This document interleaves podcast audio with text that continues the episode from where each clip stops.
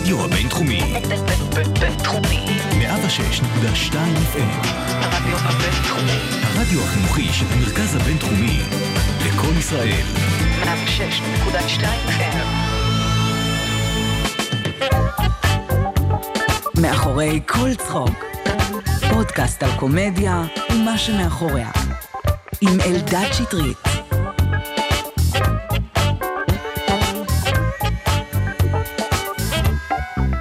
היי, מה קורה? ברוכים הבאים למאחורי כל צחוק, אנחנו כבר בפרק מספר 3. אני אלדד שטרית, והיום יהיה לנו אה, אורח מאוד מאוד מיוחד, יוסי גבני, שאתם בטח מכירים משלישיית בערך, הוא היה בטלוויזיה גם. מחוץ לחוק, התחיל כצמד עם יוסי וטירן. קיצור, יוסי מופיע הרבה מאוד שנים, ומאוד מאוד שמחתי אה, שהוא מגיע. הוא אחד האנשים שאני הכי אוהב לדבר איתם על סטנדאפ, אה, וזהו, הולך להיות כיף. אגב, זו ההזדמנות להגיד תודה ענקית לרדיו הבינתחומי בהרצליה, שנותן לנו להקליט כאן באולפנים. אה, האולפנים באמת מדהימים, אף אחד לא מצמיד לי אקדח לרקה כדי להגיד את זה. האולפנים הכי יפים שהייתי בהם, אז תודה לרדיו הבינתחומי, וזהו, מאחורי כל צחוק, תוכנית מספר 3, קבלו את יוסי גבני. יאללה. אז מה, מה שאלת אותי מקודם? אה, רגע, אז מה, כאילו זה גם אה, מצולם, וידאו? לא, אני אומר כאילו הדור צריך להתרגל גם לדברים שמה, הכל וידאו? לא, כנס למיטה שעה לפני שאתה הולך לישון, שים אוזניות, תדמיין, נכון, דבר על אוי ואבוי. תדמיין, יופי, שפכת הנה, מים. עכשיו הם לא רואים את זה. בסדר, האם זה- בווידאו. אי אפשר להסביר להם שנשפך מים. יוסי שפך את המים, אז בסדר, יש לך את שלי גם אם תרצה לשתות במהלך האש, פה בקבוק spare. איי, תודה שבאת יוסי, מה קורה? תודה שאירחת, קודם כל כיף להגיע לפה. אה, סוף סוף משהו שמדבר על סטנדאפ וזה, ו... כיף. כאילו ניסו, אתה יודע, יש את אה, רשף שעושה את הסטנדאפיסטים, אבל אתה יודע, זה טלוויזיה מסחרית, אז אין שם כן. hard, אין כאן, אין שם כניסה ללב של הדברים, אני נכון. מרגיש. ואני רוצה, אני, בוא. נפתח את זה, אני רוצה שתיכנס לי לקרביים. בשביל זה אנחנו פה. אני רוצה שתעשה לי פסיכולוג סטנדאפ, זה מה שאני רוצה. בשביל זה אנחנו כאן, יהיה לזה זה, אנשים, אתה חושב, שומעים דברים כאלה בארץ? יש לזה קהל? אני יודע שבתור קהל לא, כשצורך סטנדאפ, הייתי מאוד שמח לשמוע. אני גם עכשיו, אני מאוד פריק של סטנדאפ, כאילו אני חולה על זה, אני שומע את הפודקאסטים של אה, אה, ביל בר, אה, ה Monday podcast שלו, יש את ה Green Room, שזה, מכיר Green Room? שכמה. סטנדאפיסטים יושבים. אז, אז זה כיף לשמוע, כיף לדבר על זה. Talking Funny. מצוין, ארבעה סטנדאפיסטים מהגדולים ביותר יושבים, מדברים על סטנדאפ, גם בתור קהל לא סטנדאפיסט, היה לי כיף לראות את זה. Crashing אנשים רואים. זהו. השאלה, גם Crashing וגם הדוגמאות שנתת, זה נראה, נראה לי שמי שלא פריק של סטנדאפ כמונו, אולי זה לא יהיה לו, אתה יודע, אולי זה יהיה לו פחות מעניין. אנחנו כל כך בתוך זה, שכל דבר קטן, זה מרתק אותנו, רק תן לנו עוד מה, מה, מה, מאחורי הקלעים של מה שקורה בעולם הזה. יש, תשמע, כל דבר יש לו האלופה מאחורי הקלעים של קבוצת כדורגל. אתה יכלת להגיד שזה יעניין בנות 15? כאילו לא, אבל זה קורה. אה, השיר שלנו, שזה היה גם מאחורי הקלעים של להקת בית ספר, לא זוכר מה זה היה בכלל, אבל יש שם מאחורי הקלעים של משהו, זה, לעשות סטנדאפ זה חלום. כן. ו- וזה כיף, כל אחד מתחבר לזה בצורה אחרת. זה, זה, אם מישהו רוצה להיות, לא יודע מה, מתופף, מהמם. כיף לשמוע, גם סטנדאפיסטים, אחת הבעיות שהיו לי ב dating, הנה עכשיו נכנסים לפסיכולוגיה. זהו, כבר. אני חושב. שלסטנדאפיסטים מאוד מאוד מאוד קשה להכיר בנות, וכשהייתי רווק, אז כולם היו נראות לי משעממות וכאלה, ודיברתי עם חבר סטנדאפיסט, חגי טוריסקי, כן. אה, שאני מת עליו, וגם אה, דיברנו וזה, אז הוא אמר לי, תשמע, אתה לא יכול להשיל אותם, אתה, אתה סטנדאפיסט, אתה עסוק 24 שעות בלחשוב מחשבות מקוריות, אתה יודע להגיד אותם בצורה ורבלית, חדה וברורה. אתה עובד בלדבר, אתה אוהב, אתה עובד בלהתעניין בדברים, כאילו אתה חי את זה, כל החברים שלך כאלה.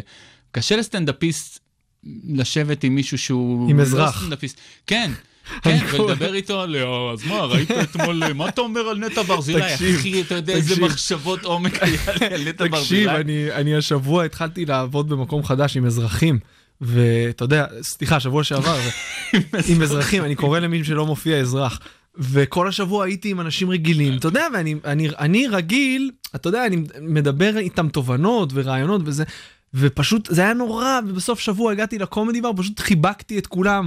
אמרתי תקשיבו, אני אוהב אותו, לא יודע אם אמרתי לכם את זה, אני מעריך אתכם כבני אדם, ואני אוהב אתכם, אז כאילו, אתה יודע, היה לי קשה מאוד להתחבר, עם בחורות במיוחד, אמרת כן, עם בחורות, כן. אשתך כרמל, נכון? נכון, אשתי כרמל מדהימה, ו, ובאמת כאילו, זה מה שהדליק אותי בה. הכרנו והיה לנו פשוט נושא שיחה מגניבים, ואנחנו אוהבים את אותו מוזיקה, מסתבר, ואותם סרטים. ואיכשהו מתחביבים וזה, התחלנו להתעניין, כאילו, היה, היה לנו הרבה במשותף, ודיברנו הרבה, והיה כיף לדבר איתה, דיברנו על, אפילו על הפגישה הראשונה, כאילו, פשוט ישבנו עד ארבע בבוקר ודיברנו, והיה לי כיף, ו... זה לא חוכמה בקופנגן. כן, אני מכיר את הסיפור. הכי חוכמה כן, בקופנגן, האמת ש- מאוד קשה. ואיך היא עם סטנדאפ? אה, היא לא אהבה סטנדאפ, היא לא, היא לא ידעה שאני סטנדאפיסט בכלל, שהיא הכירה אותי. והיא לא הייתה בכלל בזה, היא מאוד אוהבת מוזיקה, אפילו קאנטרי, כאילו לא קשור לכלום, ג'ון מאיר וכאלה. אה, ואיכשהו מהסטנדאפ התחילה להכיר וזה, ועכשיו מאוד שימח אותי, העליתי איזה קטע חדש לסטנדאפ, והיא כתבה אה, מין פוסט כזה. אה, ממני כאילו זה, חוץ מ... תראו את הסטנדאפ החדש של בעלי, חוץ מזה אני חייבת להגיד לכם, הדבר הכי כיף בעולם זה סטנדאפ. וואלה. ו- כן, ואני מוצא את עצמי רואה את ה Crashing ומת על הבמה, וסטנדאפים אנחנו יושבים לראות ביחד, ו- וזה כיף. היא באמת, אתה מרגיש שהיא אוהבת את זה ממקום אמיתי של... היא אם- נפתחה לזה. אם אתה עכשיו עוזב אותה, היא רואה סטנדאפ? כן, כן, כן. כן? היא נפתחה לזה, ואין, בעיניי, זו האומנות הכי קשה והכי יפה בעולם. אני מת על סטנדאפ.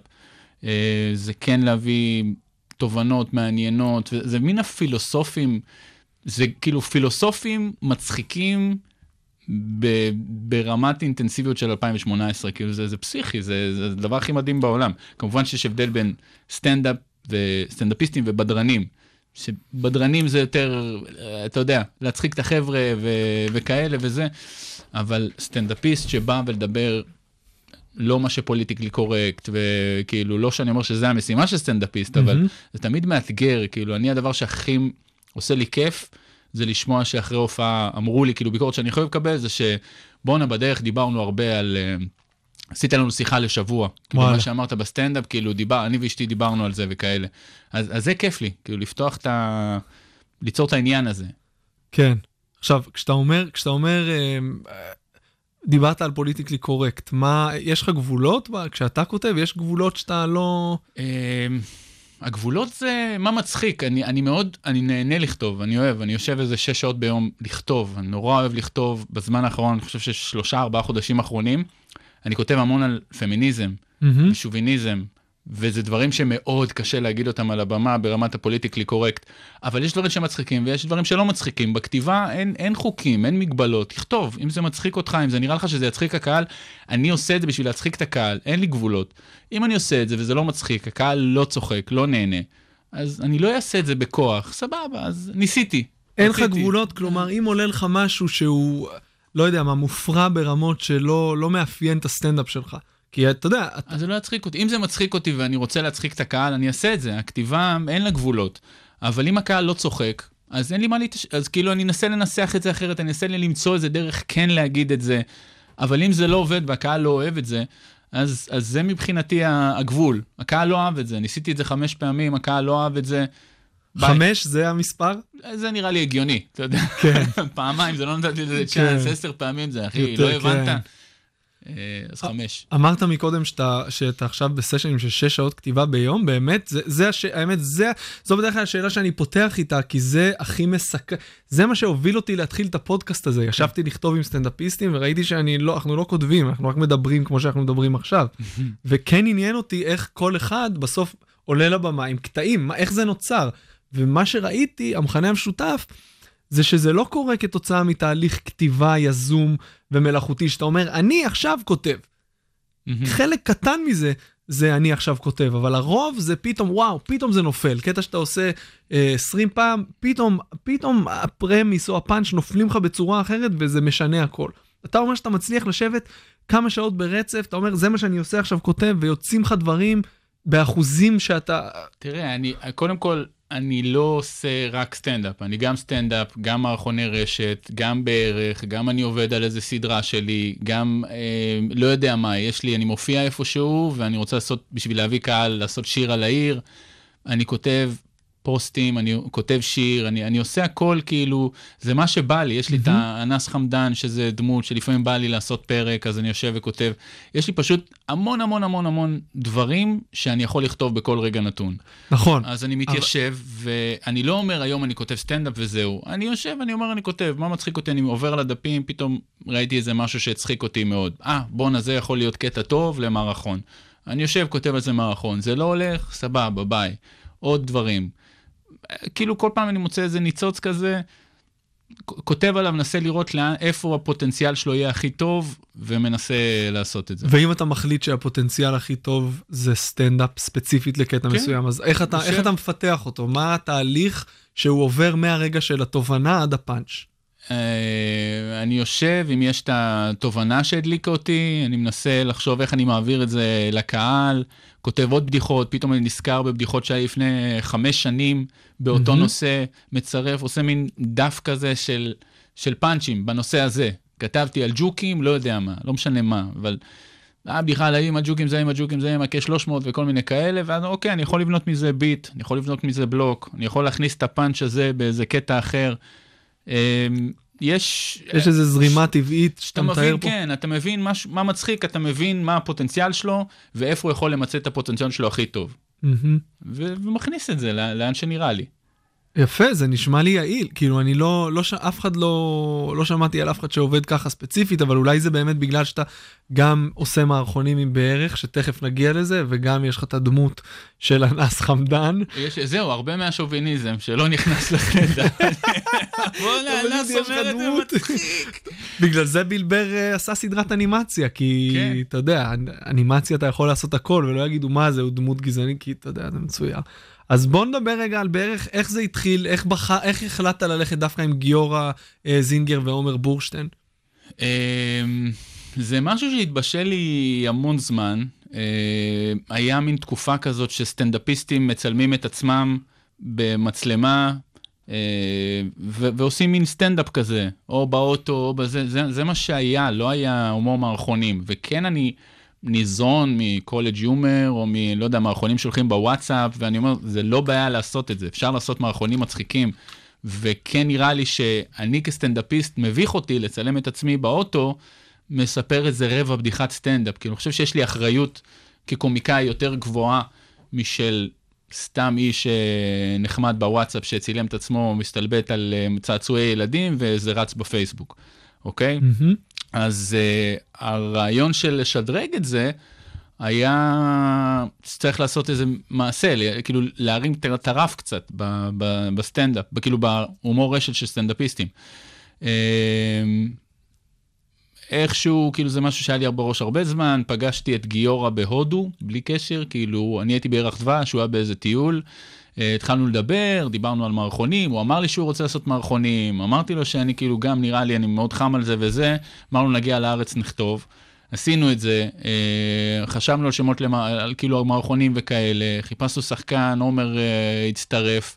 אנחנו חברים טובים כאילו מהסטנדאפ, כאילו כבר לפני זה, אתה יודע, סטנדאפיסטים כולם מכירים את כולם. מהמם.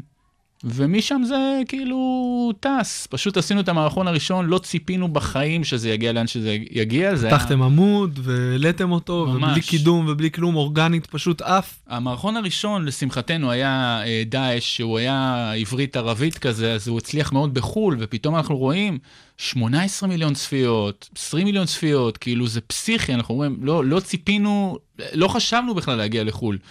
אבל גם היה חיבוק מהארץ וגם מחו"ל, וגם כל הזמן מתגים, ראינו אתכם פה, ראינו אתכם פה, ומתקשרים אלינו מכל מיני, לא יודע, איזה אתר חדשות צרפתי, בואו תתראיינו על זה. זה, באמת היינו הראשונים שעשו פרודיה על דאעש, לא, לא עשו לפני זה. וואו, שזה קטע, כי זה היה ממש. מתבקש. ממש, אני עד היום, אם יש דבר שאני הכי גאה בו במה שעשיתי, זה, זה, זה, זה דאעש היו כאילו מפחידים. היו כאילו באותה, לפני שעשינו את המערכון, באמת, הם היו כאילו fucking דאעש, רוצחים אנשים וכאלה, ופתאום התחלנו לצחוק על זה. ואחרי חודשיים יש מערכון ב Saturday Night Live, ופתאום בעזה עושים מערכון עליהם, וזה זה נהיה כאילו, אוקיי, בסדר לצחוק על דאעש. וזה היה, זה בעיניי שיא קריירה, באמת, כן, יותר מהכל. יפה, ואתה אתה מרגיש שהמערכון הראשון הזה יצר איזושהי ציפייה אצלכם? ממש, למח... לא, למחרת כבר היה לנו תוך כמה שעות אלף לייקים בעמוד, וזה היה כאילו, הצטלמנו עם האלף לייקים האלה, ו... ואמרנו, אוקיי, חייבים לעשות את זה עוד, עוד פעם. אה, ואז היה את כל הס... טיסת השוקולד, mm-hmm. היה את הסיפור הזה. אמרנו, חייבים לעשות על זה מערכון, אמרנו, כבר היה לנו מצלמה, רצינו לצלם מערכון אחר. ואז כאילו היה את טיסת השוקולד, אמרנו חבר'ה חייבים לעשות על טיסת השוקולד, כתבנו באיזה עשר דקות, כאילו, סתם, על איך הם היו מתנהגים גם בארץ, אז נגיד עם מכונת משקאות, ותביא כן. את השוקולד, וכתוב לא מקולקל, לא עובד, משהו כן. כזה. אה, לקחנו את זה כאילו לכל מיני, וגם זה הצליח, הגיע לסטטוסים מצייצים, לצינור וזה, אמרנו אוקיי, יש משהו טוב, ואז עשינו עוד מערכון ועוד, וכל מה שעשינו הצליח. אני חושב שזה הצמה של הרשת להומור ישראלי. ברשת, אמיתי. כן, כי אתה אומר שאתם הייתם הראשונים שעשיתם פרודיה, היום הפרודיה נכתבת עוד לפני המציאות. כאילו, אתה כן. יודע, היום אנשים, אין, אין משהו שקורה שאתה לא רואה מיד, כבר כולם מצלמים על זה סרטונים. זהו. לא, אבל נגיד טיסת השוקולד היה הרבה ממים, היה הרבה זה, אבל מערכון, העלינו אותו תוך שלושה ימים. כאילו ביומיים הראשונים היו ממים, ביום השלישי העלינו כבר סרטון, וזה היה היסטרי. ו- וזהו, היום זה מאוד למצוא את זה על הדקה. אבל היום זה, אני לא יודע, וכאלה. אני לא אוהב את זה. אני לא, אני לא אוהב, כאילו, אתה יודע, אני אוהב שיש מחשבה מקורית שמובילה לעשייה. ופה אני מרגיש שזה, אוקיי, זה, אני יודע שזה מה שצריך לעשות. אתה מבין? כאילו המחשבה היא קודם כל, בוא נייצר משהו ויראלי. אתה מבין? המחשבה היא בוא נעשה משהו מצחיק. אם יש משהו ויראלי והוא מצחיק, טיסת השוקולד זה דבר מצחיק מאוד. זה קומדיה. לא, ברור שזה דבר מצחיק. אי אפשר להגיד, אה, בגלל שכולם יעשו את זה, אני לא אעשה, זה מצחיק. אני, אני מדבר בהופעה שלי על הדברים הכי גנריים שיש. כאילו, אני מדבר על אשכנזים ומזרחים וזוגיות ועדות ולא אה, לא יודע מה, ש... לא משנה מה, הדברים הכי גנריים בעולם, ישראלים וכאלה, אבל אני מביא את זה מהזווית שלי, מה שמצחיק אותי, ואין אף בדיחה שלי שמישהו אחר עושה, mm-hmm. אלא אם הוא לקח ממני. כאילו, זה לא... אני, אני, גם אם זה כולם מדברים על זה, החוכמה היא להביא את זה מהזווית שלך. אז זהו, האמת ששגיב היה פה לפני שבועיים, שגיב פרידמן, ודיברנו הרבה מאוד על הקבלה בארץ, של איך הקהל מקבל סגנונות מסוימים של הומור. ואתה אומר שאתה מדבר על דברים כביכול גנריים, אבל מהזווית שלך. אתה חושב שזאת הנוסחה היחידה שאפשר באמת להצליח איתה בגדול בארץ? אה, אני, לא, אני לא יודע, אין נוסחה.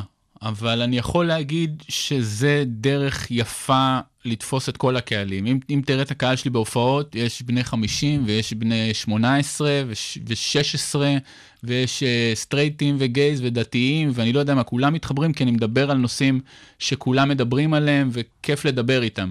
ואני כן מביא גם את הקהל היותר sophisticated ויותר אוהב סטנדאפ, יש המון אוהבי סטנדאפ שנהנים מהסטנדאפ שלי, כי אני תמיד מביא את הזווית שלי. התובנות הן מקוריות, אז, אז אני לא אומר שזו הדרך היחידה, לגמרי לא. אני ראיתי סטנדאפים מדהימים שנהניתי מהם, ולא התחברתי בכלל כאילו ברמת ה...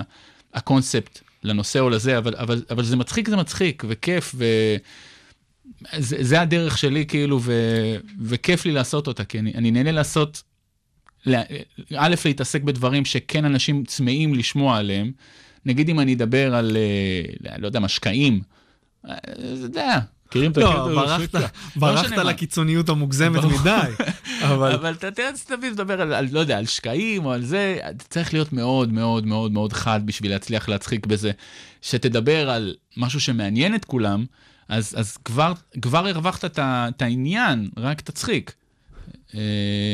זה יותר מאתגר, כי אתה לא יכול לדבר על השכבה הראשונה.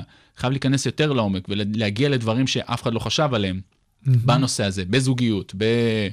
לא יודע מה, צבא. אה, ואז זה מעניין. אתה אני... מנסה להביא את, ה, את החוויה האישית שלך מהדברים, או ש... את התובנות אומר, האישיות שלי. תובנות האישיות מהחיים? אתה מספר הרבה סיפורים מהחיים שלך, או שאתה... אין סיפורים בהופעה? מעט מאוד, מעט מאוד. אני יותר מדבר על טרנדים חברתיים, אני כן מדבר על. נגיד עכשיו אני כותב יותר על הפייסבוק וטכנולוגיה וכל מיני כאלה, ומה יהיה בעתיד וכאלה, אבל זה מחשבות מאוד מקוריות שלי. אמ, אף אחד לא עושה, אף אחד לא עושה סטנדאפ כזה. אמ, אבל זה על נושאים פשוטים. כן, כי, טוב, בסדר, אבל השאלה אם אתה מלכתחילה מכוון לנושאים האלה, בתוך ידיעה שזה מה ש... כשאתה לא. רוצה קהל רחב ומגוון, לא, או זה שזה קורה אותי. באופן טבעי? זה מצחיק אותי. זה מצחיק אותי, וכיף לי לראות שהקהל צוחק מזה. זה מדרבן אותי. מבחינת הדינמיקה שלך עם החבר'ה מבערך, אתה, אתה מרגיש שהמערכונים משרתים את, ה, את הרצון שלכם ל, לעשות סטנדאפ, או שזה פשוט עוד משהו אחר? כן, אני מאוד גאה בזה. אני חושב שזה מערכוני סטנדאפ. זה משהו שאין הרבה. יש...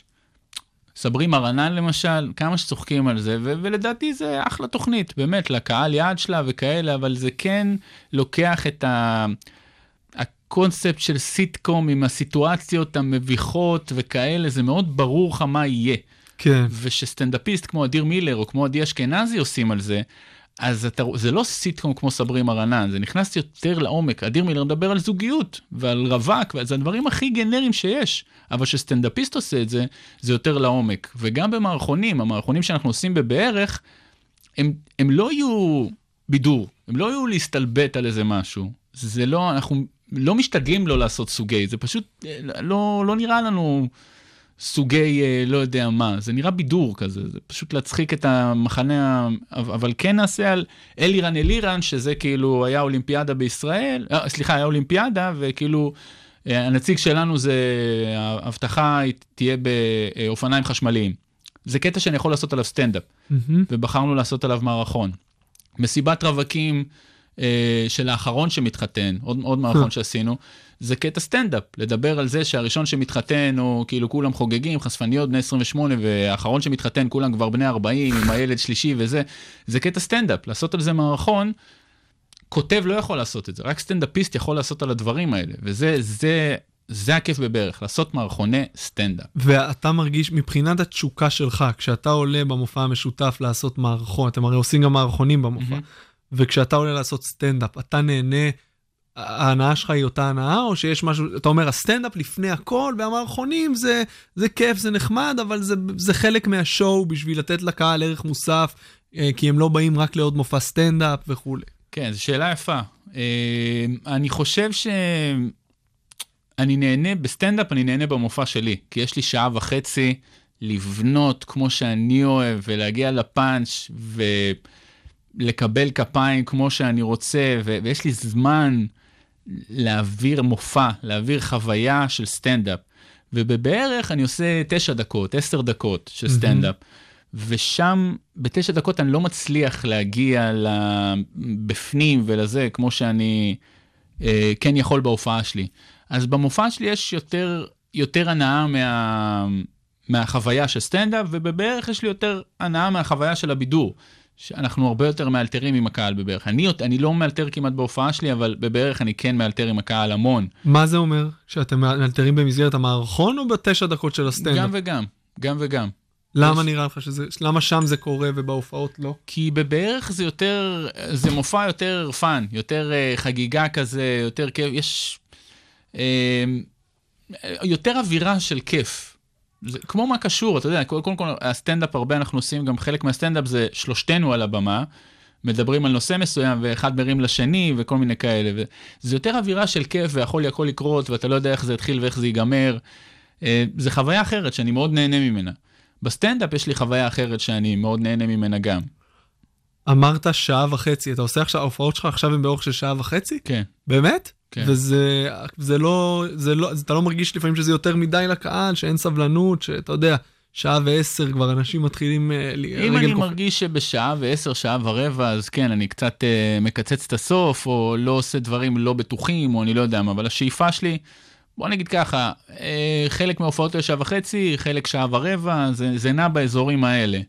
Uh, אני מאוד מנסה להגיע לשעה וחצי, כאילו השאיפה שלי זה לעשות שעה וחצי כמו שצריך, כן, שעה ורבע יותר קל ויותר uh, נוח. באמת, הסבלנות באמת נגמרת אחרי איזה שעה, וכמה אתה יכול למשוך. כן, ג'ים ג'פריז אמר, אף אחד לא רוצה אה, לשבת יותר משעה וחצי, אלא אם זה באמת כאילו מטורף. אתה כן. יודע, אנשים מתעצבנים מסרטים ארוכים וכל זה, ועכשיו... כן. אה, אתה מרגיש שההצלחה של בערך מביאה לך הרבה עבודה גם לסטנדאפ, זאת אומרת, הרבה אנשים מזמינים אותך להופעות יחיד בזכות בערך? כי הם רואים אותך שם ואומרים, אני רוצה אותו ליום הולדת 50 של סבתא? או... זה, זה עניין של נראות. כאילו זה, זה לא משנה מה אני עושה, עשיתי פרסומת לאחלה, וזה הביא לי, אה, כאילו לסלטים, וזה הביא לי עוד פניות, כי רואים אותי על המסך, נזכרים בי כאילו מצחיק, כאילו איך זה קורה, רוצים להזמין מישהו להופעה, אומרים אוקיי בוא נחשוב על סטנדאפיסט, פותחים יוטיוב, רואים פרסומת שלי לזה, אה הוא מצחיק הוא. לא מש... כל, כל עוד יש נראות, ולא משנה באיזה הקשר, זה טוב. כמובן שאם ההקשר הוא משהו קומי ומצחיק, יותר. גם, גם בהיבט המסחרי, אתה אומר, אין לך בעיה להיות מזוהה עם סלטי אחלה. אם זה מצחיק, אם זה מצחיק. אני לא אעשה, שלום, כאן יוסי גבני, ואני ממליץ לכם לקנות, אני לא אעשה כזה. אבל הפרסומת של זה, זה היה ההוא שחותך סלט בעבודה, זה הצחיק אותי. וזה משהו- התסריט, אה. וסירבתי ללא מעט תסריטים ב- בהרבה כסף אפילו, שלא נראו לי מצחיקים. אמרתי פשוט לפרסומאי שפנה אליי, תקשיב, אתה יכול להביא שחקן ועושה אחלה עבודה, אתה לא צריך סטנדאפיסט לדבר הזה. אין ערך מוסף. כשיש ערך מוסף לסטנדאפ, אז, אז כן, זה פרסומת שאני אעשה. וזה, זאת אומרת, אין לך נגיעה, ברגע שפונים אליך עם פרסומת, זה הטקסט, ואו שאתה בפנים או שאתה בחוץ, אתה לא יכול יש, לשחק. יש, יש, אה, לפעמים אני נכנס, אני אומר, אוקיי, רק אם זה יהיה ככה וככה. אה, אני כן, חשוב לי שגם כשאני עושה פרסומת, ובינתיים כל פרסומת שעשיתי, היא כן הייתה מצחיקה וכן הצליחה, אה, כשאני עושה פרסומת אני רוצה שתהיה מצחיקה. אחרת אין לי, לא רוצה לקד... כאילו, אני רוצה לצאת מצחיק, כאילו זה אני, זה מה שאני רוצה. למכור. אוקיי, יש כאלה שעשית שאחרי זה ראית את זה ואמרת, fuck, לא, זה לא, לא הייתי צריך לעשות את זה? כי... מה? כן. כן, היה אה, פרסומת, אה, מותר להגיד מותגים וכאלה? נראה לי שכן. עשיתי ל- למגה איזה מין אה, cashback שכאילו אתה קונה דברים וזה הופך לכסף או משהו כזה שזה היה כמו, איך קוראים לו, קינג, ג'ייסון קינג, אני לא יודע, זה שעושה קסמים כאלה של... לא מכיר. יש אה, קוסם פייס, קוסם אה, אה, של השבע שניות, איך קוראים לאתר הזה, אפליקציה? של השבע שניות? לא אינסטגרם, השני היותר... אה, סנאפצ'אט? לא, פעם היה. אה, ויין. ויין, כן. אז יש את הוויין מג'ישן הזה, שעושה כל מיני קסמים מצחיקים כאלה, שלא יודע, הוא מוציא דף נייר, יש שם תמונה של טלפון, נותן מכה, זה נהיה טלפון, כל מיני כאלה. אז זה היה פרסומת כזאת, וזה היה נראה לי מגניב על הדף, ואז צילמנו את זה, וזה יצא ממש לא, ו... uh, וזה כאילו, התבאסתי על זה. בסדר, קורה, מה, אם לא על זה זה... חתמתי. כן. מה- יש לי שאלה. כן. תקשיב, אני לא מצחיק, מה זה? תערוך את זה מההתחלה. אנחנו לא. אמורים להיות מצחיקים פה. אני לא יודע, זה מה שמשחרר. אמרת שהיו תוכניות טובות. היו שתי תוכניות. עדיין, נו, ויגידו, בואנה, יוסי גם נהיה שם. לא, לא, לא, לא, לא, לא, אנחנו- אנחנו, אין לנו פה יומרה גם, אתה יודע, אנשים חושבים תמיד, בואנה, סטנדאפיסטים, חדר אומנים, מקום קורע. לא, אנחנו לא תמיד, אתה יודע, אני לא אתן שמות של סטנדאפיסטים ענקים שישבו איתך בחדר אומני, אתה תגיד, אין סיכוי, מה, איך? סיינפלד לא נראה לי יושב ויעשה איתי צחוקים אפילו. סיינפלד, אתה יודע מה, גם על הבמה, עם כל הכבוד, סתם, יושב פה בהרצליה, מכפיש את... כן, לא. אבל ראיתי, ראיתי פרסום להופעה שלך, ועל הבאנר היה כתוב הסטנדאפ החדש, וזה סקרן אותי. כן. כי מצ... אמרתי, רגע, האם יש כאן, האם זה הסטנדאפ החדש שלך, האם לזה הכוונה, או שיש כאן איזושהי קריצה, איך שאני פירשתי את זה, יש כאן איזושהי התרסה כלפי כן. ז'אנר מסוים של סטנדאפ זה- שיש היום בארץ. זה בדיוק זה, זה ה double meaning. אה, אני, א', כן, זה הסטנדאפ. החדש שלי, כי אה, כל ה... היה לי מופע ישן שעשיתי אותו במחוץ לחוק, שרפתי שם את כל הפאנצ'ים שלי כמעט, וכן נולד לי ילד והתחלתי לדבר על דברים חדשים, וכן אני מרגיש שכאילו, ככל שהתקדמתי והשתפרתי יותר כסטנדאפיסט, החומרים החדשים שלי הרבה יותר טובים מהישנים, אז כן, זה היה קודם כל הסטנדאפ החדש שלי, כאילו תראו, כמו שיש אה, אלי ומריאנו, המופע החדש וכל מיני כאלה, אבל קראתי לזה הסטנדאפ החדש בהתרסה, אה, כי כן, אני חושב שאני מביא איזה סטנדאפ חדש אמיתי, כאילו לא... לא לא מתיימר, אני לא אהיה כמו, אתה יודע, אני לא מדבר על אה, אשתי וכל מיני כאלה, זה לא כזה, אבל אני כן חושב שה... קל, קל, כי היום כל כותב סטטוסים יכול להיות מצחיק ויכול להעלות מופע של הקראת סטטוסים. סתם אני אומר, כאילו לא, לא, לא רוצה לזלזל באף אחד.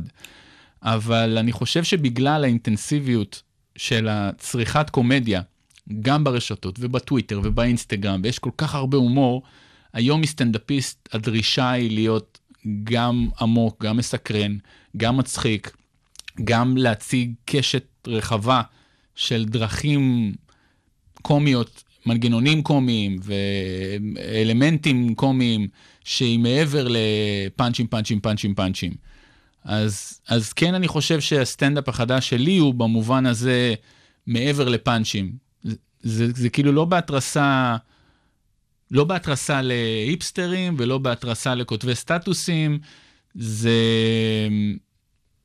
כי היום אני אגיד לך מה, היום כשאומרים הסטנדאפ החדש, שנינו יודעים בדיוק למה הכוונה. אני לא בטוח, אני לא בטוח. בעולם הסטנדאפ לפחות. אתה, מה זה, כאילו היפסטרים? כביכול, על הנייר, שאגב, לא יודע, ככה הם, אה, נראה לי שזה איזשהו סימן היכר שהם, אה, לא יודע אם במכוון או לא, אבל אתה יודע, הם עכשיו, יש להם את המושכות אה, בתקשורת, הרבה בתקשורת. הרבה, הרבה מהסטנדאפיסטים אה, אה, ההיפסטרים במרכאות, כי הם בטלוויזיה המסחרית, אה, נמצאים שם, במקומות האלה, ופתאום כל הסטנדאפ שהוא לא הזה, נהיה הסטנדאפ המיושן, ו... ובת ים וכל הקלישאות שאנחנו מכירים. אז זהו, שזה לא ככה. ברור שזה לא יש כל כך ככה. הרבה באמצע. ברור. ושאני לא יודע, שאתה אומר הסטנדאפ החדש, כאילו שמישהו אומר הסטנדאפ החדש, אני ממש לא רואה את זה היפסטרים. היפסטרים מבחינתי זה הסטנדאפ התל אביבי. הרבה קטעים של היפסטרים לצורך העניין, so called ראיתי, וזה לא, זה היה כל מיני בדיחות מאוד מאוד נמוכות, הרבה יותר נמוכות מיצפן, אתה יודע, ברמה של אמרתי אני מעונן, אה, לא יודע מה, על אנה פרנק, והקהל צוחק, כי אמרתי אני מעונן על אנה פרנק. אתה מבין? זה, זה לא... זה לא מתוחכם, זה נמוך, זה סתם הרבה דברים, ומצד שני, סתם דוגמה, מההיפסטרים, ראיתי מישהו מקריא אה, אה, את הגב של הארגליות, או של קסם הקינמון, לא זוכר מה זה היה, וזה מאוד הצחיק אותי, ו- ו- וזה אחלה, אין, ואתה יודע מה, וזה לא משהו היפסטרי. לא יודע, אני לא, ההגדרות של ההיפסטרי תל אביבי, אני פשוט מרגיש שיש היום שני קטבים, שאם, שאם אתה תשאל מישהו שלא צורך סטנדאפ כמונו, אה, מה הוא מכיר בסטנדאפ בארץ, הוא יציג לך את שני הצדדים האלה, וזה קצת מבאס. אבל אף אחד מהם זה לא סטנדאפ חדש, או הסטנדאפ המהפכני, או... זה, זה אף אחד, זה שני קצוות. יש את הסטנדאפ מועדונים, של אה, מכירים את זה, אחי, מאיפה אתה, ויש פה מישהו מבת ים. כן, הסטנדאפ הזה עדיין קיים. ויש את הסטנדאפ התל אביבי הנישתי, הבדיחות על uh, שלום ואני לא יודע מה, זה שני כתבים שונים, סיפורים, בוא נגיד, זה לא, הקוטב הוא יותר סיפורים אישיים על חוויה אישית מאוד ספציפית. שהיא מביכה, או לדבר על מה שאתה עובר, אני לא יודע איך להסביר את אקטואליה, פוליטיקה, זה. אקטואליה ופוליטיקה תמיד היה. זה לא, אין שום חדש. לא ברמה הזאת. לא ברמה הזאת. איזה רמה? ברמה- תום אהרון? כן, אני... לא היה ברמה של תום אהרון עד היום. ליאור שליין. לא, אני לא מדבר על רמה, אני מדבר על עיסוק בנושאים מסוימים. מי עשה סטנדאפ, ב, אתה יודע, לפני שהתחיל ערב הסטנדאפ המיותר ו- ו- והערבים האחרים אבל שהם... זה לא החדש, זה הקוטב, זה הקוטב. אתה יודע מה, אני אתן לך דוגמה, אודי כגן זה הסטנדאפ החדש. כי הוא כן מדבר, הוא, הוא, הוא, הוא לא נוטש את זה, זה, זה כאילו בין הקטבים, זה הסט, כאילו העתיד של הסטנדאפ הוא לא בהיפסטרי, הוא לא ב... ת- תהיה עוד יותר, אתה, אתה מבין? זה לא כאילו תהיה עוד יותר היפסטרי תל אביבי, יותר הזיות, יותר אה, שמאלני, או יותר אני לא יודע מה, וזה לא תהיה יותר חבר'ה, ות... כאילו, הקיצוניות האלה הן קיצוניות, אבל העתיד של הסטנדאפ הוא באמצע. ברור, אני מסכים איתך, חד משמעית. אני פשוט שואל כל כך הרבה אנשים, אני, בגלל שזה כל כך מסקרן אותי, כשאני רואה אה, עשרות אלפי אנשים באים ל-CK ולסיינפלד ולקריס רוק ולג'פריז, אני אומר, איפה הקהל הזה? למה הוא כמעט ולא מגיע לסטנדאפ ישראלי, והוא כמעט ולא מגיע. א', כי באמת יש למה? שם גרוע, יש שם גרוע בדיוק. לסטנדאפ הישראלי. בדיוק. אבל זה לא מה שיהיה פה בעוד אני חמש שנים. מסכים, זה בדיוק השיחה שהייתה לי עם שגיב, זה בדיוק מה שאני חושב. אני גם חושב שזה לא יהיה, לא עוד חמש, אני חושב שעוד עשר שנים, אתה יודע מה? כשהדור... חמש שנים, אתה יודע איך טס, הכל פה טס, מה קרה לך? נטפליקס, אני היום לוקח, כולם רואים אני נטפליקס. לוקח מרווח ביטחון מטורף. מאוד. אם החבר'ה ש... שהתחילו, כשאתה, כשהתחלנו את הפקטורי בבמה הפתוחה, החבר'ה שהתחילו יחד איתי פחות או יותר בשלוש, ארבע, חמש שנים האחרונות, שהם נמצאים, שאני ואתה נגדיר אותם לדעתי באמצע של, ה, של הקשת שדיברנו עליה מקודם, אם הם יתמידו ויופיעו כל יום כשהם יכולים להופיע, אז עוד עשר שנים תהיה כאן ליגה אחרת אני לגמרי. לא חושב שזה קשור ב... אני חושב שזה קשור ב leader. צריך מישהו שיביא את ה... כמו בסיטקום, אוקיי? זה לא שנהיו מלא תוכניות כמו סיינפלד. היה סיינפלד שאמר, חבר'ה, זה הסיטקום. רצח את כל הקומדיות משפחה של אבא, אימא ושני ילדים וכלב. מש- איך קוראים לזה? נישואים פלוס, זה מה שעשה לפני זה. חברים, כל פעם בקומדיה יש משהו שאומר, חבר'ה, זה הדבר, זה, זה המיינסטרים, תכירו, תודה רבה. וזה זה מה שיקרה, זה לא יבוא מלמטה, זה צריך לבוא מלמעלה. לצורך העניין, אה, אני חושב שאודי כגן כן מביא משהו שהוא הוא באמצע, הוא כן משהו שמציג איזה סטנדאפ חדש. ואם יהיה מישהו, אה, לא יודע מה, יותר חד, יותר, אה, זה, זה לא משנה, אבל בסופו של דבר, יהיה מישהו שיוביל ויגיד, חבר'ה, זה הסטנדאפ. לפני נאור ציון, לא היו מסתלבטים על קהל. מופע סטנדאפ היה דודו טופז, היה גדי יגיל, לא יודע מה, פתאום בא וילוז'ני, חבר'ה זה סטנדאפ, פתאום בא, איך קוראים לזה, אה, אה, נאור ציון, היה מסתלבט על קהל, זה סטנדאפ. אחרי זה בא רועי לוי, מה שלומך, כל מיני כאלה, זה הסטנדאפ. נכון, אבל ואחרי אני- זה אדיר מילר, ואח... זה, זה התפתחות, כל אבל- פעם יש leader שמוביל את זה, ו... וזה מה שיקרה לסטנדאפ. בסוף, בסוף יהיה מישהו כל כך טוב, שיגידו, אוקיי, זה הדבר החדש בסטנדאפ, אנחנו עדיין תקועים בצחוק מעבודה, מכירים את זה, שחר חסון, אורי חזקיה, זה היום ה- אבל זה מה בדיוק שיש הקטע. לסטנדאפ. אבל זה לא נכון. זה, זה נכון, שוב, במיינסטרים שאנשים תופסים כמיינסטרים, אבל, אם אתה זה תבוא... יהיה ככה, זה מה שאני אומר, זה יהיה ככה, עד שיהיה מישהו שיגיד, חבר'ה, זה סטנדאפ. אבל למה צריך מישהו אחד ספציפי? אם יהיה דור כי אתה חייב שיתאפיין... לסחוף, אה, זה לא משנה, כי אף אחד לא בא לראות את הדור הזה. באים לראות, motherfucker, באים לראות את שעכשיו- אדי מרפי, נכון. שמשנה את החוקי משחק, באים נ- לראות את לואי סי קיי, שמשנה את חוקי המשחק. לא באים, אתה יודע, זה מתחיל מלמטה. אוקיי? אבל מהלמטה זה יצמח איזה סטנדאפיסט שיסחף את כל המדינה אחריו, שיגידו, או, זה מצחיק, זה סטנדאפ. אבל כביכול אתה יכול להגיד שזה מה ששחר עושה עכשיו, שעם כל ההצלחה שלו לאורך כל, הז... כל הדרך שלו, מאז, בוא נגיד, לפי מה שהוא אומר, זה רק בשנתיים האחרונות. אתה יודע, הוא אומר שהזינוק המטאורי שלו בעקבות הסרטוני פייסבוק שהוא מעלה כל נכון. שבוע, אז למה, אז למה זה לא, כאילו הוא לא מייצג מבחינתך איזה... קודם כל כן, קודם כל כן. אני חושב שזה כן משתפר לכיוון הזה, אבל זה עדיין שחר חסון של צחוק מעבודה. הוא כן יותר מתוחכם, יותר טוב, יותר זה, אבל זה לא שאתה רואה את, את שחר חסון ואתה אומר, אה, אוקיי, עכשיו זה סטנדאפ. אתה, אתה יודע מה זה, ואתה אומר, שחר הכי טוב, לצורך מהמם. העניין. אם לפני זה אמרת אדיר מילר, או אמרת עדי אשכנזי, או לא משנה מה, אה, היום אתה רואה את שחר חסון ואתה אומר, אוקיי, זה, זה, זה היום הסטנדאפ, זה הרף.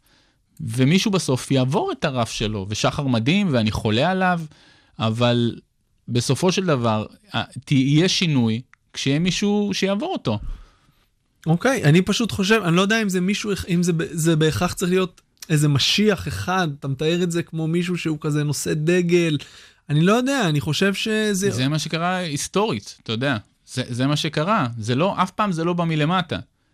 לא, אני לא אומר כמו, מלמטה. אתה יודע מה, הנאצים, אתה יודע, זה לא לא- שהיו, כן, צריך, צריך להיות יותר נאצים. לא, לא, בא fucking היטלר, חבר'ה, כולם פה נאצים, ואז כולם נהיו נאצים. זה אני לא אומר צריך שזה- את הקיצוני. ברור, אני לא אומר שזה מישהו שבא מלמטה, אני אומר שבעוד שהניצנים שאנחנו רואים היום אצל הרבה מהחבר'ה שהתחילו בארבע, חמש שנים האחרונות, בעוד עשר שנים יהיה בלתי אפשרי להתעלם מ-X אנשים שיתמידו ויהיו מדהימים בדבר אתה הזה. יודע כמה סוגי, אה, אה, לא יודע מה, סטנדאפ וקומדיה קיימים 10 ו-20 שנה ואף אחד לא, לא, לא מסתכל על זה בכלל?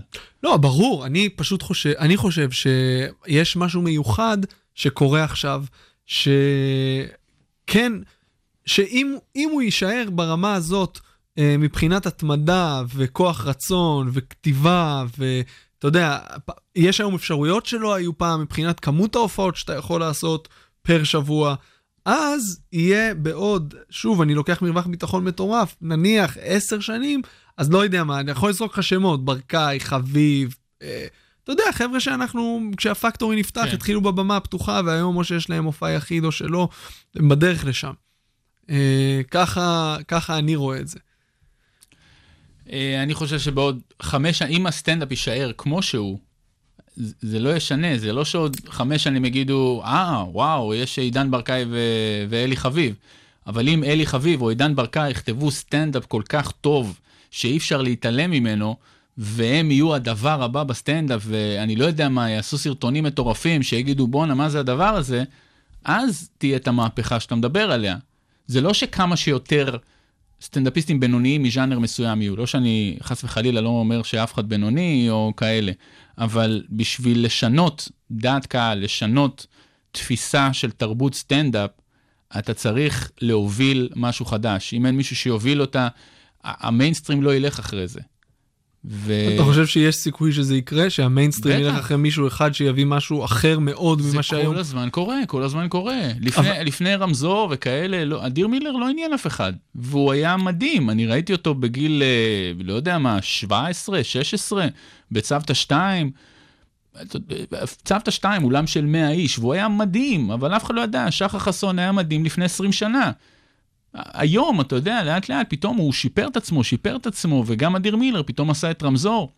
אין מה לעשות, גם נמאס מקומדיה מסוימת, אוקיי?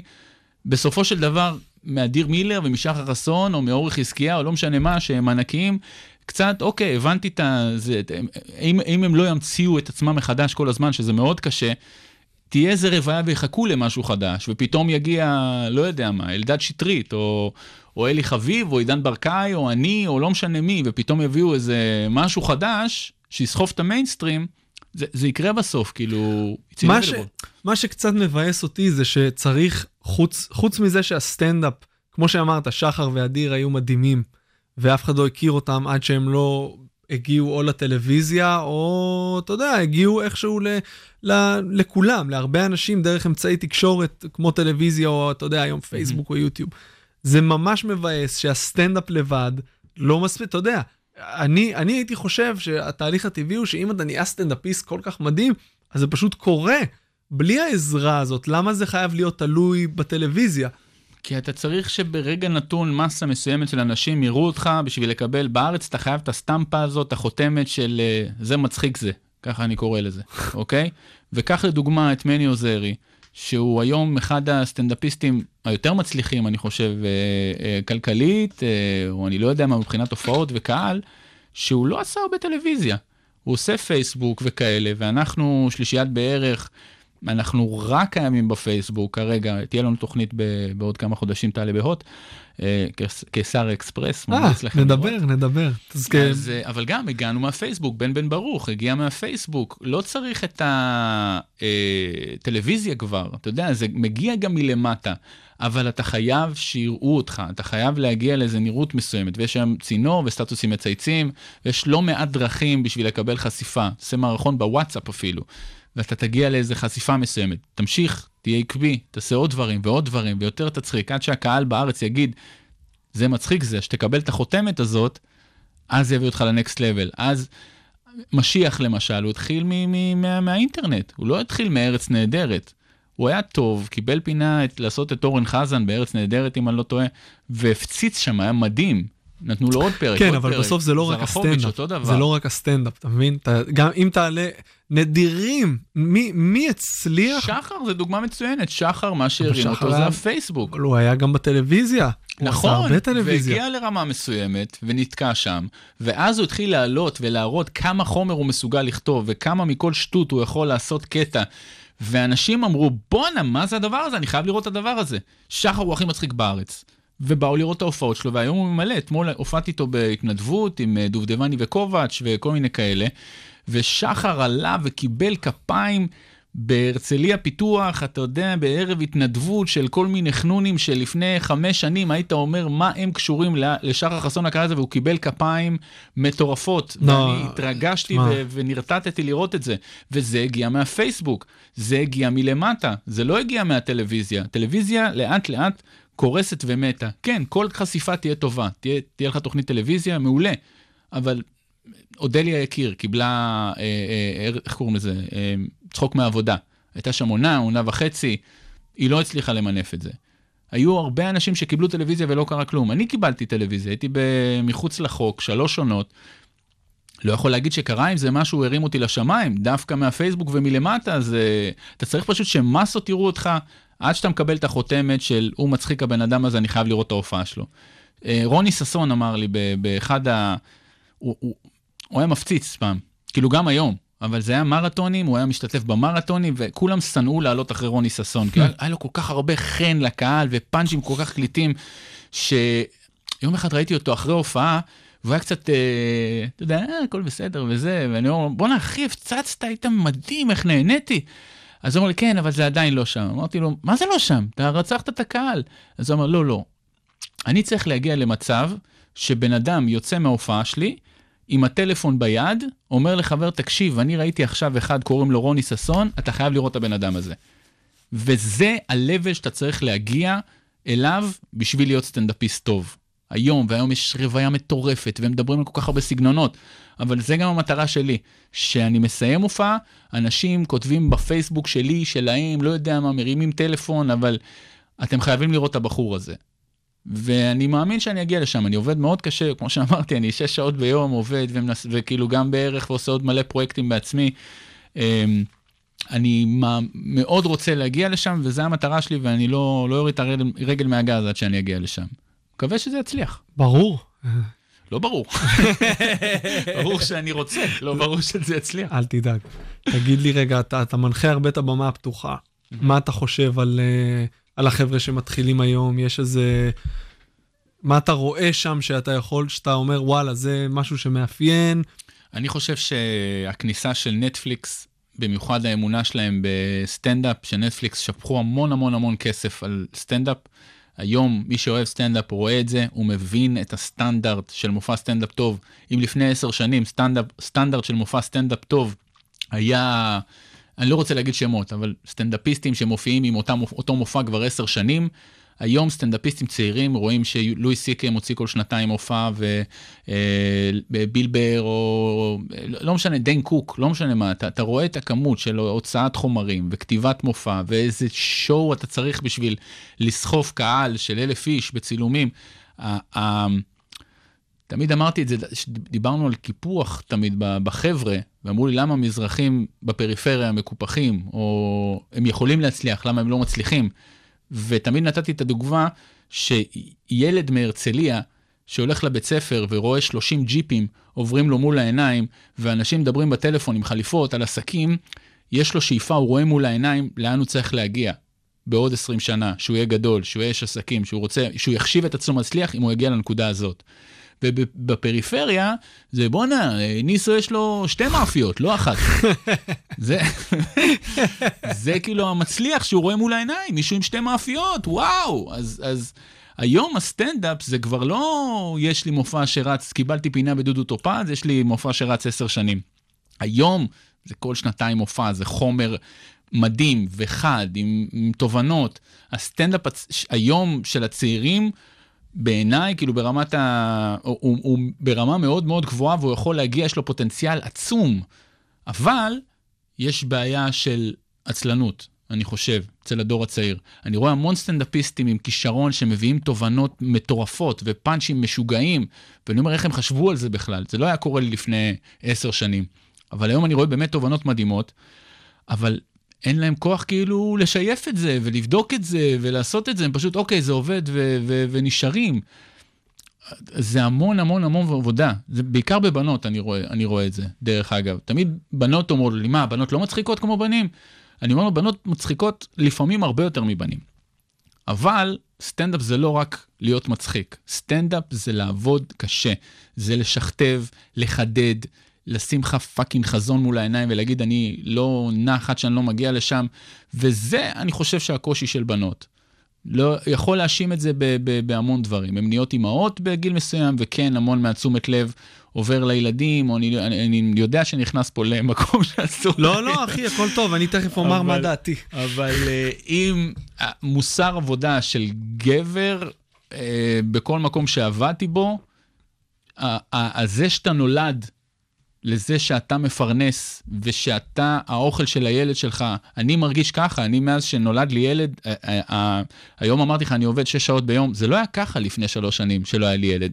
לקבל בראש שיש לי אישה ש... ויש לי ילד והם חייבים כסף ואני חייב להביא, זה הוציא ממני כל כך הרבה אנרגיות ומוסר עבודה, שאני מתאבד על זה. Mm-hmm. תמיד צוחקים על אבא, כל הזמן מסתובבים טרנינג, כי אבא על הזין שלו איך שהוא נראה, מה שמעניין אותו זה איך אני קורע את התחת ומביא כסף הביתה. זה, זה מין פסיכולוגיה שגבר נולד אליה וחי אותה, וכאילו, אני, אני לא אומר שגברים יותר טובים מנשים, אבל כן, בקטע הזה ספציפי, היתרון שיש לגבר, זה שפסיכולוגית הוא מתוכנת לעבוד יותר קשה. כאילו, הוא, אישה יכולה לעשות היום, יכולה לעשות הכל, והיא גם יכולה לעשות כלום. יש נוחות מטורפת. אני, בנות, שבתור צעיר, שהייתי יוצא עם בנות, כל כך הרבה בנות שללו אותי כי לא היה לי אוטו, או לא היה לי דירה, או שהייתה לי דירה בדרום תל אביב, מסריחה כזאת, או שלא הייתי מתלבש מספיק יפה. שללו אותי. הייתי חייב להרוויח כסף והייתי חייב להיות מצליח בשביל שיתעניינו בי קצת. באמת, וזה לא קורה לנשים. גבר כל החיים שלו חייב להוכיח את עצמו בעבודה קשה ובלהגיע ליעדים. וזה יתרון שיש לגבר בסטנדאפ. לא שהוא מצחיק יותר, לא, לא יודע מה. אני אתן לך עוד זווית, תגיד לי מה אתה חושב. אני חושב שבתחילת הדרך בסטנדאפ, אתה חווה כל כך הרבה קשיים וכישלונות. נכון. מהסוג, אתה יודע, אני לא אגיד משפיל, אבל אתה יודע מה זה להתרסק. משפיל, תגיד משפיל, אחי. אתה יודע, אתה יודע, אתה יודע מה זה להתרסק, ו, ו, ו, ולהגיד, בואנה, אולי אני לא בתחום הנכון, ואני גרוע, וכל, ו, וכל מה שזה עושה לביטחון העצמי שלך, וזה, אני חושב, משהו שמאוד קשה לנשים להתמודד איתו. התהליך הפסיכולוגי שאתה עובר בתחילת הדרך, של ההתרסקויות והביטחון שנופל לך ל, ל, לרצפה והלילות שאתה מתייסר, זה משהו שאני חושב, אולי, כן, שוב אנחנו נכנסים פה לפינות, אבל אולי אנחנו מתוכנתים יותר טוב להתמודד עם המפחי נפש האלה. בשביל באמת... יש בזה משהו, יש בזה משהו. פסיכולוגית, אה, כן, כן, גבר. אתה יודע, בצבא, להיות קרבי, לראות חברים מתים, הלם קרב, כל, זה, זה דברים ש...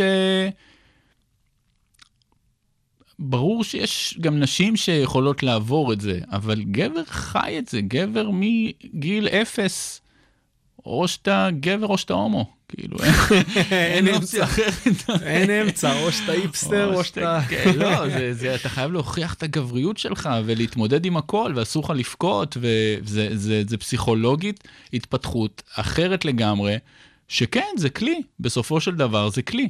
אתה חושב שזה עדיין ככה, כמו שזה היה כשהיית ילד, שבנות עדיין, נשים ישללו גבר אה, בגלל ש... ברור. שום דבר לא השתנה, כלום לא השתנה. פי עשר יותר. באמת? פי עשר יותר.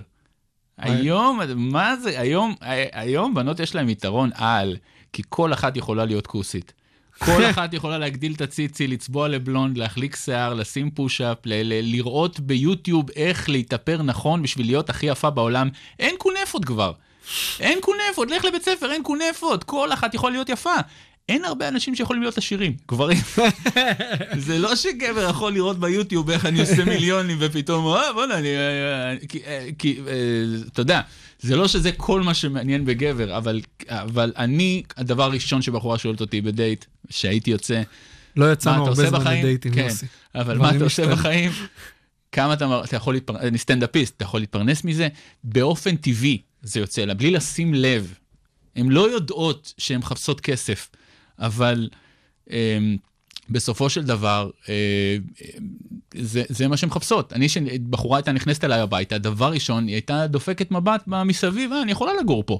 הייתי מרגיש את זה בראש שלה, כאילו, הבית שלי צריך להיות יפה מספיק בשביל שבחורה תיכנס ותגיד, אה, אני יכולה לגור פה. אחרת זה סטוץ. לא שיש לי. בעיה עם זה. אבל, אבל כן, זה מה, ש, זה מה שבסופו של דבר מעניין, ואני חושב שזה הולך ומשתפר, כי יש יותר... ביקוש לנשים, היום הכוח אצל הנשים, המיטו עובד בגלל שהכוח אצל הנשים היום. נשים הם כוח קנייה מטורף. כל הפרסומות הן לנשים, כל הטלוויזיה זה לנשים. מקצועות לאט לאט נהיים לנשים, כי לא צריך כבר עבודה פיזית. לא צריך מישהו שיסחוב דברים, או אה, לא יודע מה, כאילו נשים יכולות להיכנס ל, ל, לעבודה בקלות. רוב, בזמן האחרון, אני הולך למשרד פרסום, הרוב נשים. Mm-hmm. אני לא אומר את זה בקטע רע או טוב. אני אומר שהיום, להפך, הכוח אצל האישה, אה, יש להם שליטה, אז, אז פי עשר היום אתה צריך להוכיח את עצמך בשביל שמישהי שבטופ שלף או ב-level שלך תגיד, אוקיי, אני זורמת איתו. אבל מצד שני, גם כבר יש הרבה פחות את ה... Uh, אתה יודע, הגבר הוא כבר לא המפרנס הבלעדי, אני לא אגיד העיקרי, אבל נשים היום, אין היום הרבה נשים בגיל 22-3 שאומרות, וואלה, אני לא כזה עובדת כי יש לי חבר או בעל. לא בדייטינג, לא ב dating. כן, כשאתה מגיע לשלב הזה כן, אבל כשאתה יוצא עם בחורה פעם ראשונה, אם אין לך את הדרישות סף שהיא מציבה לגבר, אתה לא תתקבל לעבודה, חביבי. זה כמו שיש עבודה שמלא מלא מלא רוצים להתקבל אליה, אז עורכי דין, מהמם. בסדר? ברגע שאתה משרד עורכי דין, שכולם רוצים להיות שם או משהו כזה, אז תן לי שלוש שנים סטאז'. אתה יכול לעשות מה שאתה רוצה, יש לך דרישות מטורפות מכל מתמודד. והיום יש אה, הרבה, הנשים הרבה יותר רצויות מהגברים. פעם זה לא היה ככה, פעם גבר היה, אה, אישה הייתה צריכה גבר, היום גבר צריך אישה. מרגיע אותי שאני בזוגיות עשר שנים אחרי הדקות עשית- האחרונות. עשית אקזיט בזמן, אני כל הזמן וואו, תשמע, אני לא מתגרש בחיים. מצד שני, אה, יש לי חבר שהתגרש, הגיע מארצות הברית עכשיו לתקופה של או שלושה חודשים או לתמיד, הוא לא יודע. אתה יודע, הוא גם היה בזוגיות של עשר שנים, נשוי שלוש שנים, הוא הוריד טינדר לידי, ואני לא מכיר את הדבר. אתה יודע, אני רואה, והוא כזה, אוקיי, אתה יודע, הוא פשוט בוחר כוסיות, ואחרי חצי שעה הן שולחות לו הודעה, ויום אחרי זה הוא רואה... זה הקטע. לסטוצים יש מלא, יש שוק מטורף לסטוצים. היום בחורה לא חייבת לאף אחד לכלום. אם היא תרצה לזיין אותך, היא תזיין אותך, אבל הכוח אצלה. אם היא תרצה שאתם תהיו זוג, גם הכוח אצלה. אתה לא תוכל להשיג כל בחורה שאתה רוצה, היא תוכל להשיג כל גבר שהיא רוצה. כמובן שבהגבלים, כאילו, אבל היתרון אצלהן. סטוצים כן, קל לזיין בטינדר. בנות רוצות סקס, לא כמו, לא פחות מגברים. ו... זה אין בעיה, טינדר וכאלה, להכיר, להתחיל וזה, אה, היום זה הרבה יותר קל.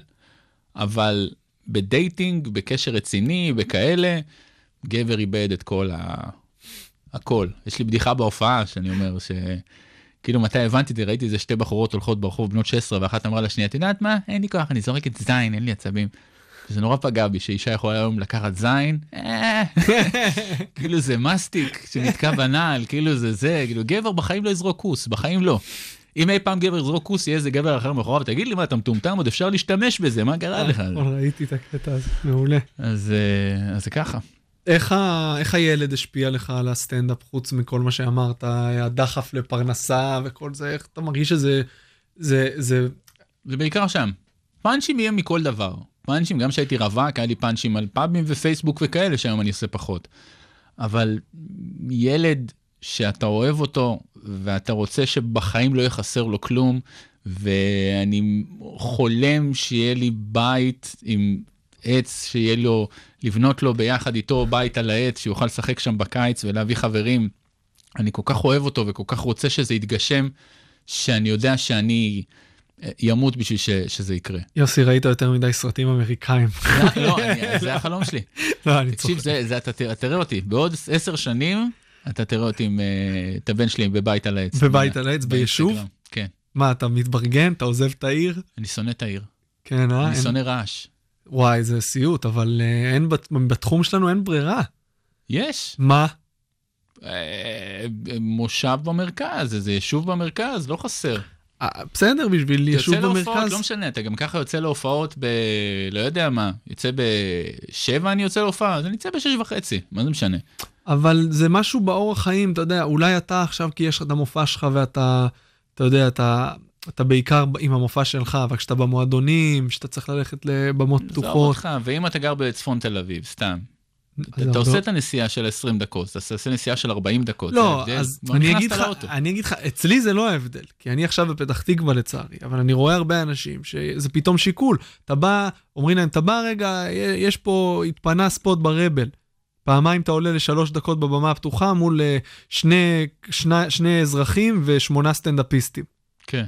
והם יגידו, וואלה, לא בא לי עכשיו לעשות את הנסיעה הזאת בשביל זה, בשביל כן. השלוש דקות האלה. בסדר. ואם הם יהיו במרחק הליכה או נסיעה של עשר דקות השלוש אוטובוס, דקות האלה לא מה שעוצר אותך מלהיות סטנדאפיסט טוב או לא טוב. זה לא... אני אני חולק עליך. אתה יכול לחלוק עליי, אבל uh, אני חושב שעבודה קשה היא גם בהופעות כאלה וגם בכתיבה, אתה יכול לתמרן את זה, אתה יכול פשוט, אוקיי, כאילו, אני יכול לנסות את הקטע שלוש פעמים בשבוע, ואני יכול לעבוד עליו כל השבוע, ולעלות פעם אחת בספוט טוב, ולעשות אותו כמו שצריך, אוקיי? זה, זה שתי סוגים, שתי תמות של אה, שיטות עבודה אבל כאלה. לעשות אותו כמו שצריך זה לא משהו שאתה יכול לשלוט בו.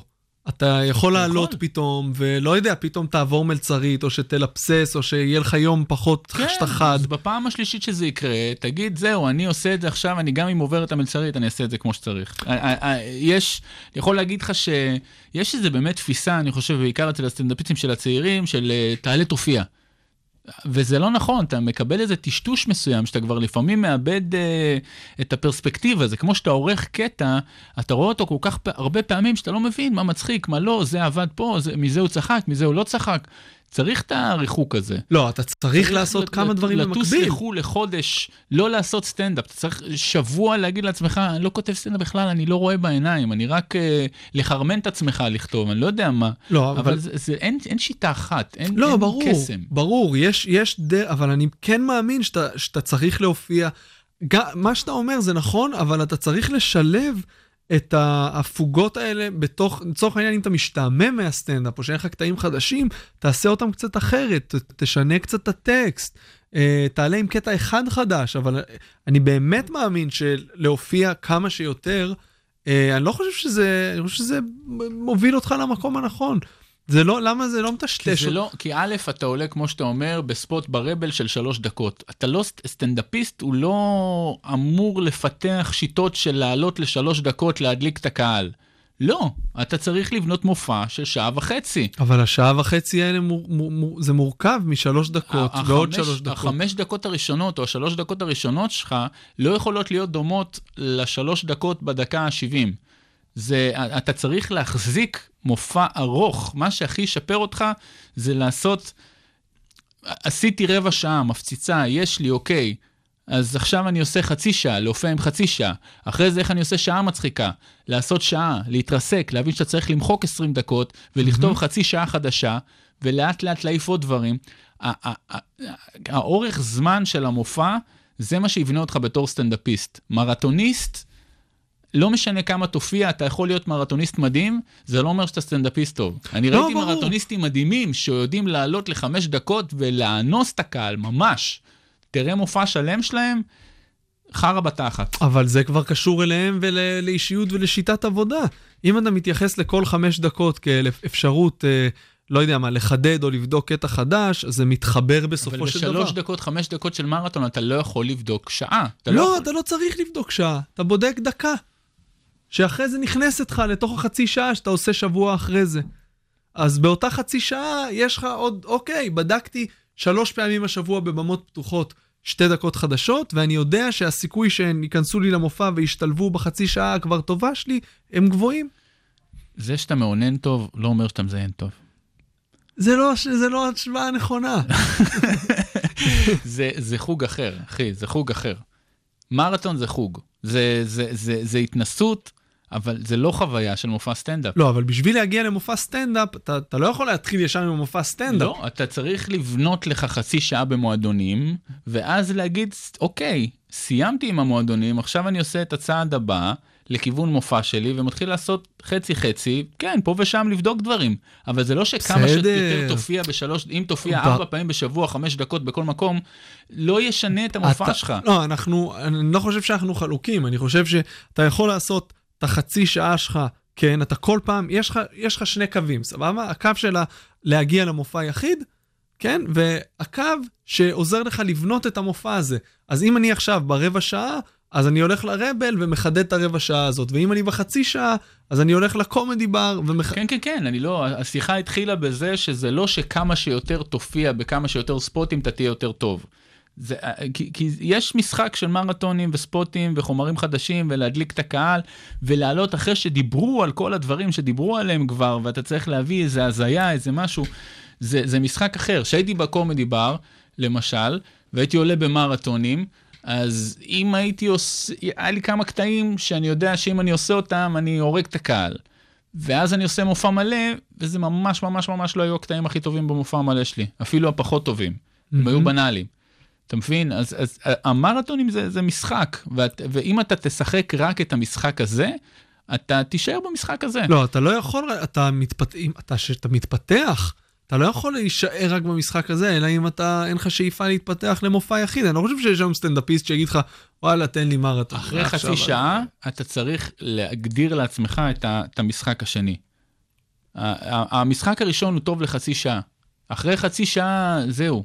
כאילו, תבדוק, ש... סבבה, תבוא, תבדוק בפקטורי, תבדוק ברבל, תבדוק איפה שאתה רוצה, תבדוק קטעים, אבל זה לא שכמה שיותר תבדוק קטעים, יהיה לך יותר חומר למופע, והמופע שלך יהיה יותר טוב. לא, אבל אתה זה- תחדד את היכולות הבימתיות שלך גם. של מרתון, של מרתון, לא של מופע. המופע, אני אומר לך, זה משחק. כמה זמן לקח עד שהיה לך. מופע יחיד? לגמרי. אני הייתי אה, עוף מוזר, כי התחלתי בתוכנית ריאליטי, באקדמיה לצחוק, בתור צמד. ו... יוסי וטירן. כן. והיינו מאוד טובים, והיה המון המון המון ביקוש, ולא עשיתי במה פתוחה.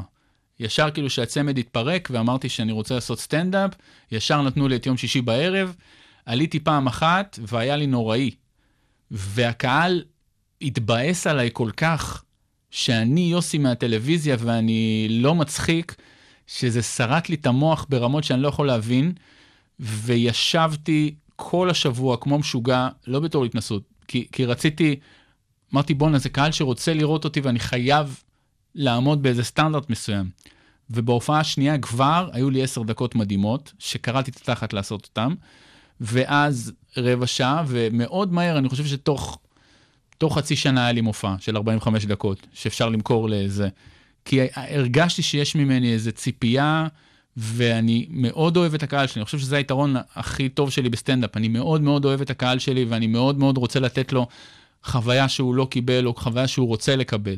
ואני אף פעם לא מבסוט אחרי הופעות שלי. כל הופעה, אם אני רואה פרצוף אחד, לא יודע מה, אפילו תוך כדי מופע, אני רואה פרצוף אחד קצת אה, משועמם, אני, אני שונא את עצמי. אני, אני חוזר הביתה ואני אומר איך אני עושה את המופע שהבן אדם הזה לא, לא יפהק באמצע, או לא ילך לעשות פיפי, יגיד, אה, כאילו, זה מה שמניע אותי. תיזהר, זה מסוכן.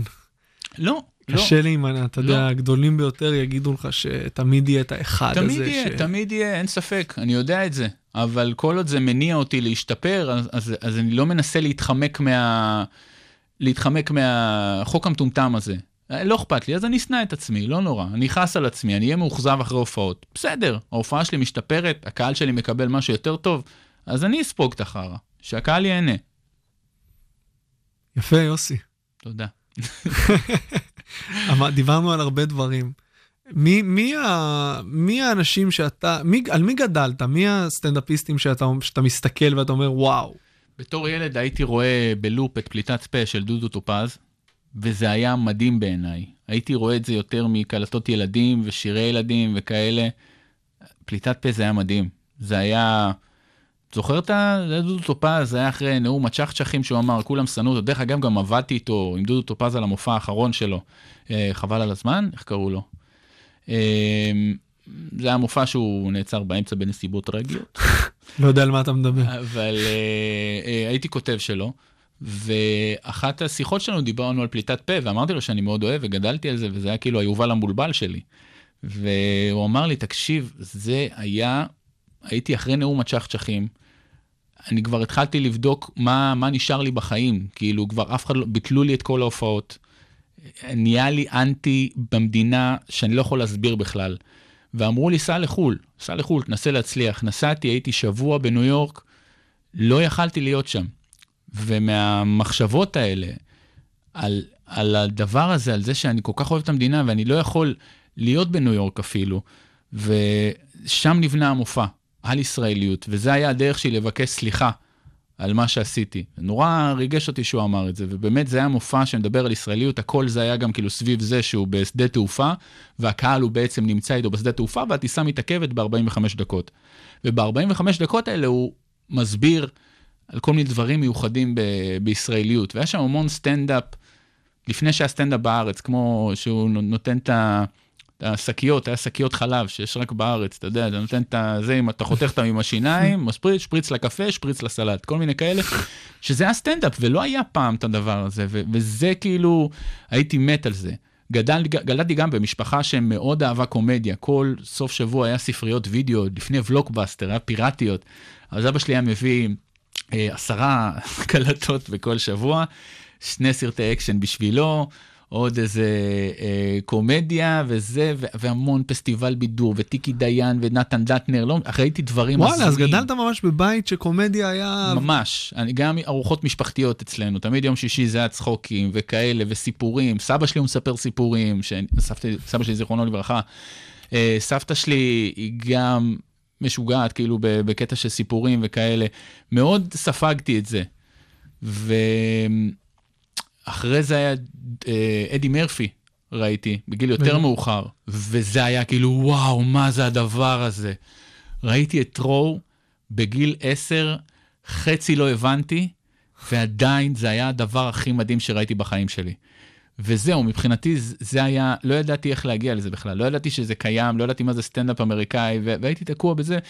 לא יכול להגיד שאהבתי סטנדאפ ישראלי, כאילו, כי זה באמת היה יותר אלתורים, יותר... אה, אה, לא יודע מה, עד שבאמת הגיע יוטיוב, ואז התחלתי לראות בעיקר דייב שאפל, קריס רוק, אה, וכאלה, מופעים הראשונים שלהם.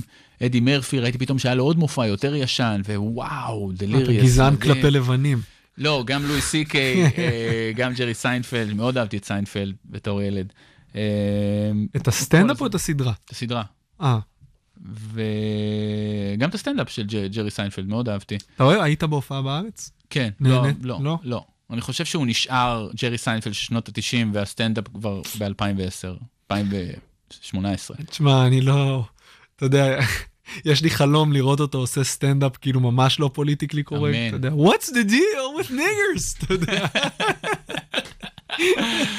כן, אבל זה יש את ביל בר שעושה את וואי, מספר קורקט. אחת, אה? אני- אני אני מעריץ אותו. אני כל כך כאילו, אוהב זה- אותו. זה הכי קשה בסטנדאפ לדעתי. אני כל כך מחזיק ממנו, לא כי המופע שלו כל כך טוב, אלא כי הוא מצליח לדבר על דברים שאף אחד לא יכול לדבר אליהם. הם הכי נגד הקונצנזוס, והוא עדיין מצליח לעשות עליהם בדיחות. ואם הקהל מגיב בצורה לא, אז מה, למה, מה, מה הקטע שלכם? מה, אני, הוא כועס על הקהל שהם לא מבינים כמה זה מצחיק. וואי, יש לו, יש לו איזה קטע ביוטיוב שהוא מופיע כזה באיזה, נראה לי ערב התרמה. כן. פשוט מתרסק איזה שלוש כן, דקות כשהוא כבר... פילדלפיה. והוא מקלל לא, לא אותם. פילדלפיה, לא פילדלפיה, כשהוא, זה הקטע המפורסם שהוא מקלל אותם. כן. Five minutes left. כן, כן. לא כן, זה, כן. לא זה, שהוא מופיע בווידאו, רואים, לא רק אודיו. תחפש, אני אשלח לך את זה. יש, יש לו מופיע- גם קטע שהוא מופיע לאפל, לגיקים, ומתחיל ל- ל- אה, לקטול את ביל גייטס. לא ראיתי את זה. מה, תקשיב, זה קטע לפנתיאון. אה, הוא מדבר על ביל גייטס, אה, לא על ביל גייטס, על השני אה, של אפל, סטיב ג'ובס. סטיב ג'ובס. הוא מתחיל להסתלבט עליו, על המוצרים של אפל, וכולם שם הייטקיסטים כזה, אתה יודע, כאילו, ואז הוא אומר, ויש יש דומייה באיזה פאנץ' מסוים. אז This is your God? או, או, כאילו, למה יש כל כך שקט? מה, This is your God? Old charger can fit the, new iPhone? משהו כזה, ופתאום כולם!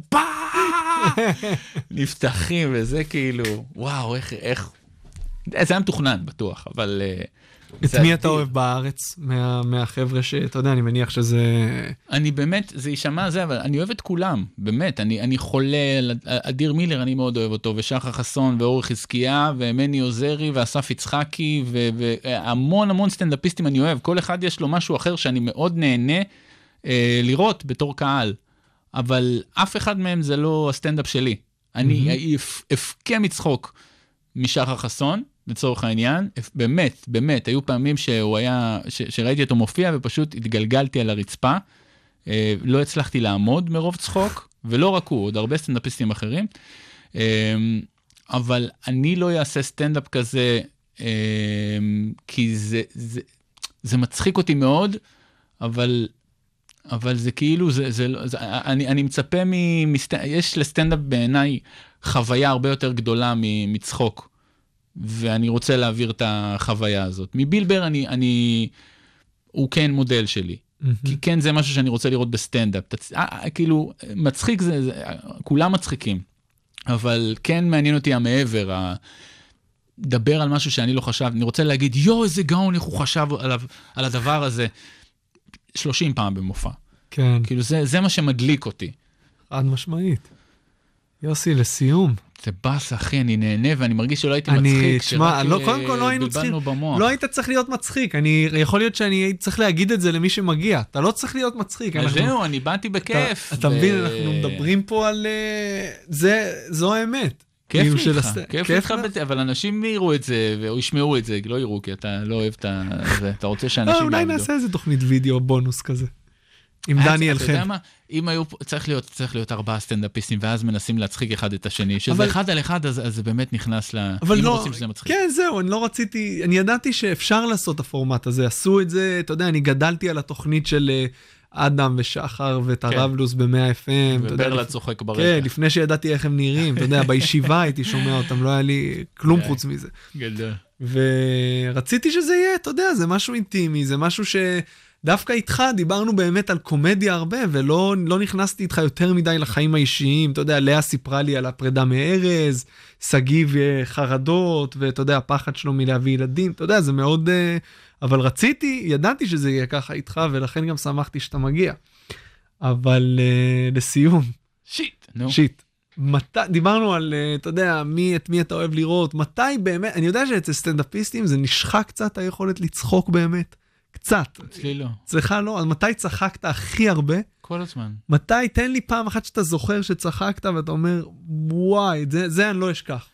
אה, ראיתי את אה, עידו זכריה בסבליים. וואי, הוא כל כך מצחיק. תקשיב, בפעם איך הראשונה, הוא לא בפריים טיים? בפעם הראשונה הוא עלה בתור זמר מזרחית ועשה שיר שקוראים לו "פגשתי אותך בליל הבדולח". שיר על השואה, על מישהו ש... יהודי שמכיר מישהי בשואה, בסגנון מזרחי, ותקשיב, אני לא יכלתי לנשום מרוב צחוק, אני התגלגלתי על הרצפה, לא הצלחתי לעמוד, דפקתי. וואו. זה היה כל כך היסטרי ומשוגע, והוא הוא פשוט היה מחורפן, זה היה כזה אנדי קאופמן. כזה. מה, יוני פנצ'ץ' את זה? אחת הדמויות. תקשיב, עכשיו, מישהו סיפר לי על משהו שעידו זכריה עשה בתוכנית של גדי ולאה, על... אה, הוא עשה... גברים ונשים זה לא אותו דבר. הוא עשה כזה קטע כזה.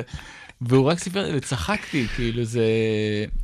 זה, זה, זה אמיץ וזה משוגע, וכאילו זה משהו שאני בחיים לא יכול לחשוב עליו, אני חושב שזה מה שהצחיק אותי כל כך, אני בחיים לא הייתי חושב על זה. כן. וזה כל כך נכון, וכל כך חד, אבל, אבל זה, זה הומור סטנדאפיסטים כזה. תשמע, מי שהגיע עד לשלב הזה בתוכנית, אם אתם עדיין איתנו, תחפשו את עידו זכריה. פגשתי אותך בליל הבדולח. פג... זה לא קיים איפה, זה לא נמצא בטוח ברשת. שיש, יש, יש את זה, יש לו שיר ויש לו פוק של אהבה.